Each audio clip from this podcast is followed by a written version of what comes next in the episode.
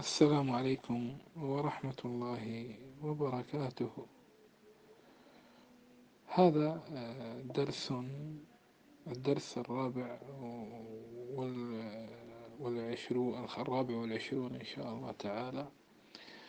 ولا زلنا في مسيرتنا في التعريف في رحلة السنة النبوية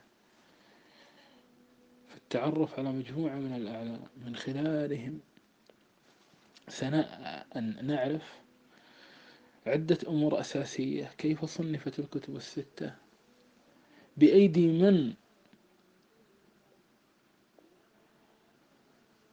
آه، نقلت السنة. هل كانوا فعلا علماء سلطان؟ هل كانوا فعلا ليسوا فقهاء؟ وليس عندهم فقه بالقرآن وبناء عليه صدقوا أخبارا تناقض القرآن. كل هذه الأمور سنستفيدها ونعرفها إذا تعلمنا أحوال هؤلاء الأئمة. أخذنا أربعة ولا زالت الرحلة متواصلة. أخذنا إمام أهل الشام الأوزاعي إمام أهل المدينة مالك سفيان الثوري سفيان بن عيينة. كلهم فقهاء كلهم أئمة جرح وتعديل كلهم ثقات كلهم مصنفون.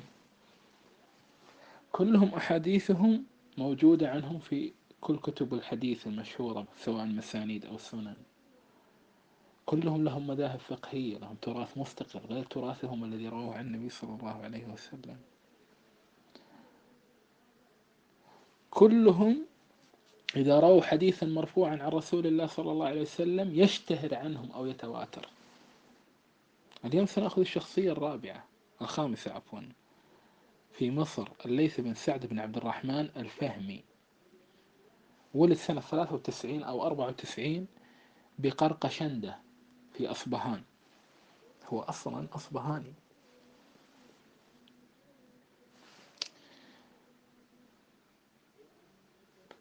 مشهور أنه قرين الإمام مالك. وكان بينه وبين مالك مناظرات ومع ذلك كان بينهما صداقة ومحبة. له مذهب فقهي. مذهبه الفقهي لا زالت. لا زال موجودة عموم فروعه والآن تكتب عنه الدراسات كيف يمكن كيف عرف مذهبه الفقهي كما ذكرنا عن الأوزاعي أن كل الكتب الفقهية التي ألفت في اتفاق الفقهاء واختلافهم ككتاب الطحاوي وكتاب الطبري تهذيب الآثار وكتاب ابن وكتاب ابن المنذر وكتب من خزيمة وكتب أبو عبيد القاسم بن سلام وغير مناقشات الشافعي وكتب أحمد وكتب البيهقي وابن عبد البر وابن, وابن حزم وغيرهم كثير. يذكرون ليث بن سعد يذكرون أقواله ويناقشونها أو يحتجون بوفاقه لهم ولهم أخبار مسندة له وهو أيضا هذا الفقه كله مسند له وله كتاب مشهور الفوائد فوائد الليث بن سعد مطبوع.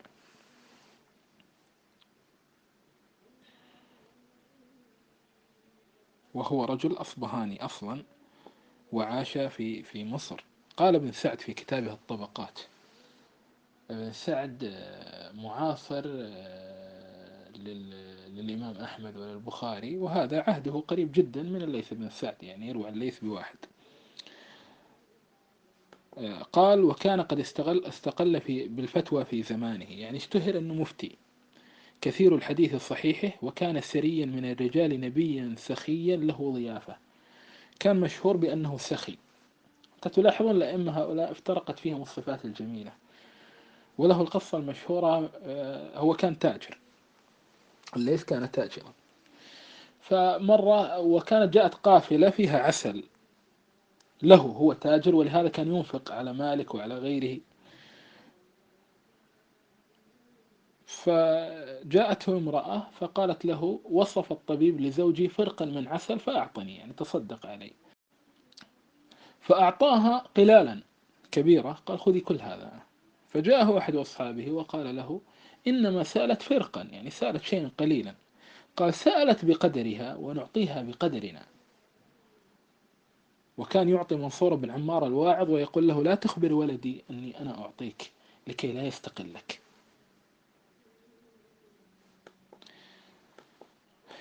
طيب.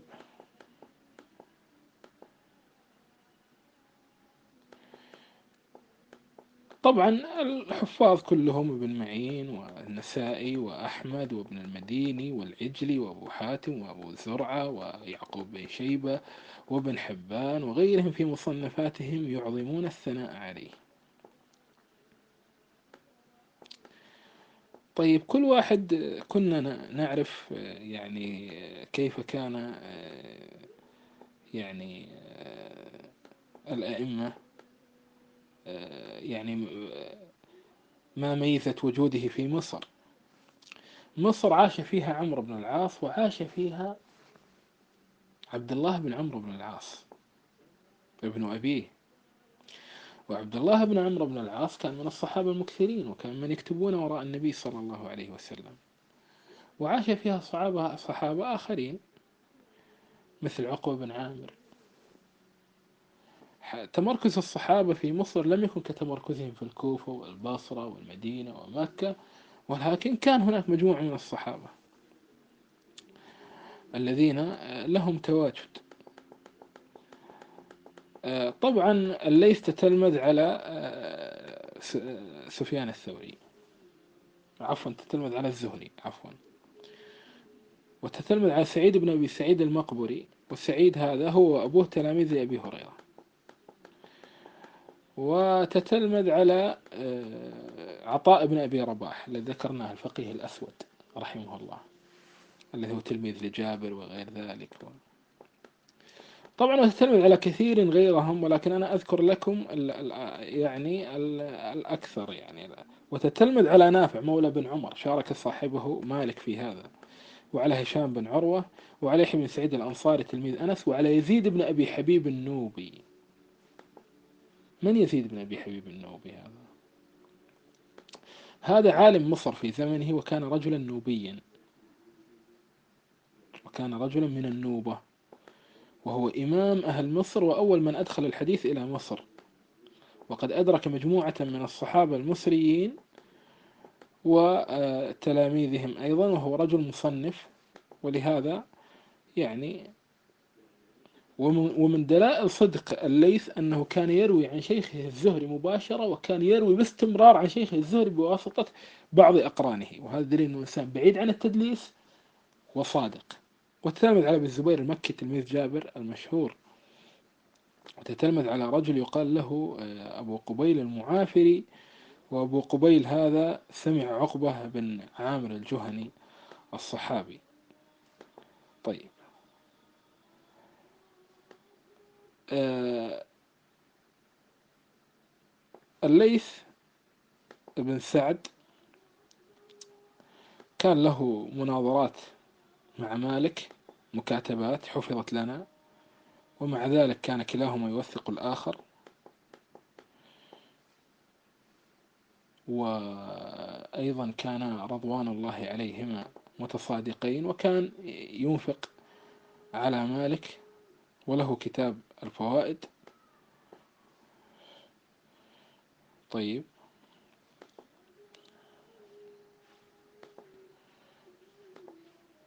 وله سيرة ومناقب. يقول الذهبي كان الليث رحمه الله فقيه مصر ومحدثها ومحتشمها ورئيسها ومن يفتخر بوجوده الإقليم الإقليم كله كان يفتخر بوجوده بحيث أنه كان متولي مصر وقاضيها وناظرها ومن تحت أوامره ويرجعون إلى رأيه ومشورته. ولقد أراده المنصور أن ينوب له على الإقليم فاستعفى من ذلك. الليث بن سعد وإيش؟ والسلطة. المنصور أراد أن يجعله الوالي على الإقليم ككل يعني ليس مصر فقط إفريقيا. استعفى لم يقبل. طيب. يقول بلغت الثمانين وما نازعت صاحب هوى قط.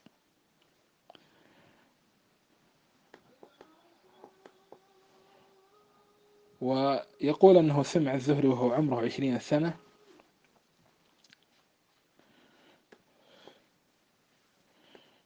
وكان فيه شيب فلهذا الزهري كان يضحك معه ويقول له كم عمرك؟ قال عشرين. قال لحيتك لعيت صاحب أربعين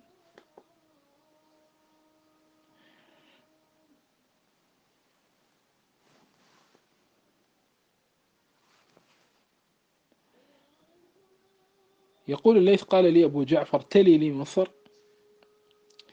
قلت لا يا أمير المؤمنين إني أضعف من ذلك إني رجل من الموالي. فقال ما بك من ضعف معي ولكن ضعفت نيتك في العمل لي. يعني يقول هو يقول له المنصور أنا أعرف القصة الحقيقية أنت لا تريد أن تلي لي. وله ترجمة متوسعة في كتاب المعرفة والتاريخ ليعقوب الفسوي وتراجمه تملأ الكتب. قال ابن بكير تلميذه كان الليث فقيه البدن عربي اللسان يحسن التلاوة والنحو ويحفظ الحديث والشعر حسن المذاكرة. ولهذا الشافعي رحمه الله كان يقول مال ليث أفقه من مالك ولكن أصحابه لم يقوموا به. وطبعا له تلميذ اللي هو ابن وهب وكان يقول لولا مالك والليث لظل الناس ابن وهب له ثلاثة كتب مطبوعة حاليا الجامع والمسند والتفسير ويروي فيها من علم مالك والليث ما الله به عليم. يقول عثمان بن صالح كان أهل مصر ينتقصون عثمان حتى نشأ فيهم الليث فحدثهم بفضائله فكفوا. وهذا مثل الأوزاعي. الشام كانت نواصب فنشأ فيهم الأوزاعي فحدثهم بفضائل علي فكفوا. ومالك كان يقول إذا ذهبت إلى الكوفة أحدث بفضائل عثمان لأنه الكوفيين متشيعين وفيهم انحراف عن عثمان. كان الليث يصل مالكا بمئة دينار في السنة يعني كان يصرف على مالك. يعني يرسل إلى مالك مئة دينار سنويا معاش يمشيه للإمام مالك عشان الإمام مالك يستعين به.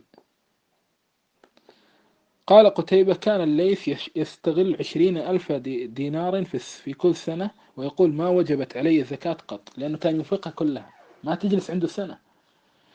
ينظر أين هم الفقهاء أين هم العلماء ويرسل إليهم. فكان مالك متى محتاج كاتب الليث يكتب له بعض النقاشات الفقهية التي بينهم ويضع له في الحاشية نريد كذا كذا كذا كذا كذا. فالليث يقول له طيب ما في مشكلة. فيرسل إليه.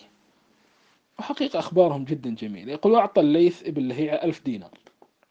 وأعطى مالكا ألف دينار. وأعطى منصور بن عمار الواعظ ألف دينار. وجارية تسوى ثلاثمائة ألف دينار.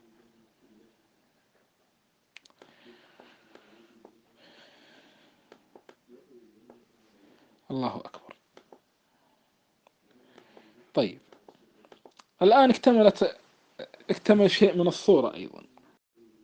فعندنا الأوزاعي عندنا الليث في مصر عندنا سفيان الثوري عندنا مالك عندنا سفيان بن عيينة. حين أقول فقيه ففقيه معناته معناه أنه له فتاوى في الطهارة والصلاة والصيام والحج والزكاة والبيوع والطلاق والنكاح والديات والحدود والقضاء والجهاد والخلع وكل هذه. فمعناه أنه له تفسير لآيات الأحكام ككل يجلس ويتدبر فيها. ومر معنا أن سفيان بن عيينة كان عالم بالتفسير وأن مالك له كتاب في الت... وسفيان له كتاب في التفسير ومالك في موطئه واضح أنه عبقري تفسير. لاحظ. وهؤلاء هم الركيزة الأساسية إحدى الركائز الأساسية التي على مصنفاتهم بنيت مصنفات الآخرين. إذا الفقه حاضر من البداية. العلم بالقرآن حاضر من البداية التحرر من السلطة حاضر من البداية الحفظ حاضر من البداية قرائن الحفظ حاضرة من البداية القرب من الصحابة من عهد النبوي حاضر من البداية. طيب. نأخذ أيضا الآن نذهب إلى البصرة. هناك حماد بن زيد وهو معاصر لهذه الطبقة ولد سنة 98 هجري.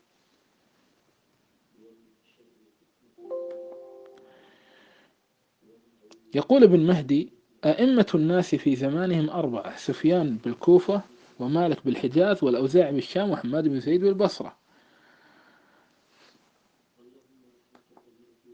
طيب قال عبد الرحمن المهدي ما رأيت أحدا يكتب الحديث أحفظ من حماد بن زيد. و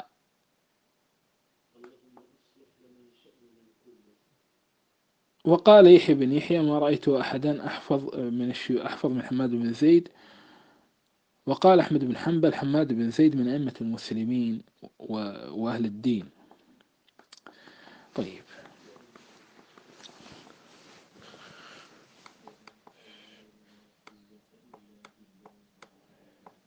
ومشهور أيها الطالب علما يأتي حماد بن زيد وهو شيخ سيبويه.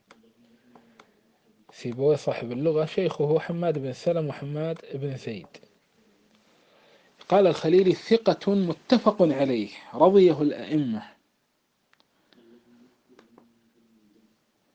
طيب هذا كان في البصرة. البصرة من كان فيها؟ إذا تذكرون كان فيها أنس بن مالك. كان لأنس بن مالك مجموعة كبيرة من التلاميذ تتلمذ حماد بن زيد على عامتهم من أشهرهم ثابت البناني الواعظ البكاء وحميد وخالد الحذاء. ثابت البناني كان آه، أنس يقول آه، ثابت دويبة أحبها. وهناك رجل يقال له أبو حازم سلم بن دينار المدني من الزهاد العباد تلميذ سهل بن سعد الساعدي. تتلمذ عليه الأئمة كلهم ابن عين وحماد بن زيد ومالك و... هذا الذي قال كلاما شديدا لسليمان بن عبد الملك حين التقاه. طيب. وعبد الله وتتلمذ على تلاميذ الحسن البصري. وتتلمذ على عمرو بن دينار المكي الذي ذكرنا التلمذ بن عيينة عليه عمرو بن دينار. تلمذ على ابن عباس وعلى تلاميذ عبد الله بن عباس. وتتلمذ على الكثيرين جدا. شيوخه بالمئات. وطبعا هشام بن عروة الكل تتلمذ عليه عشان الناس يأخذون منه حديث عائشة. وليس هو وحده من يروي. حين أقول لكم لا ليس هو وحده بل يتابعه الكثيرون ولكن هو الأساس الذي منه على على أيوب. طيب. وكان هناك حماد بن سلمة لكن خلينا الآن على حماد بن زيد لأنه أشهر ولأنه محتج به في جميع الكتب. لأن حماد بن سلمة اجتنب البخاري حديثه. أما حماد بن زيد رحمه الله فالكل خرج أحاديثه. وعنده كان حديث البصرة والبصرة كان فيها سمر بن جندب وعمران بن الحصين و... و... وأنس بن مالك وأحفاد أنس وأبنائه وغيرهم من الصحابة الكرام. وغيرهم من الصحابة الكرام. من الصحابة الرواة معقل بن يسار مثلا. طيب. وسنقرأ لكم آه، بعض أخباره.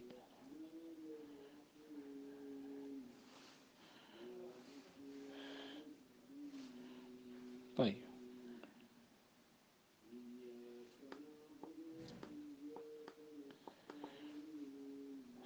بعض ما ورد في حفظه قيل لحماد بن وكان سبحان الله لا لا يحتاج إلى الكتاب من قوة حفظه. وأي إنسان يقرأ في كتب الحديث يدرك أن هذا الرجل متقن جدا لأنه دائما إذا روى الحديث يتابعه عليه قوم كثيرون والناس يروون عنه. وكان من أشهر الرواة عنه إسماعيل بن علية. كان من أشهر قال رأيت سفيان الثوري جاء إلى حماد بن زيد يقول عبد الرحمن المهدي وسأله عن حديث أبي الصهباء عن سعيد بن جبير عن أبي سعيد أن الأعضاء تكفر بعضها بعض فقال فرأيت سفيان جاثيا بين يدي حماد بن زيد وهو يملي عليه الحديث وهذا من تواضع سفيان ومن قدر حماد بن زيد لأن سفيان أكبر سنا منه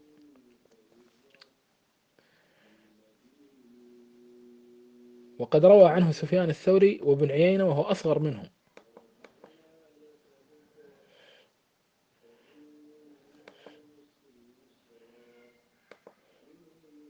طيب. فأنا ذكرت الليث وحماد بن زيد لأن كل واحد منهم آه، يعني آه، الله المستعان آه، له يعني ترجمة مختصرة ليس كالأوائل. والله هذا وصلى الله على محمد وعلى وصحبه وسلم.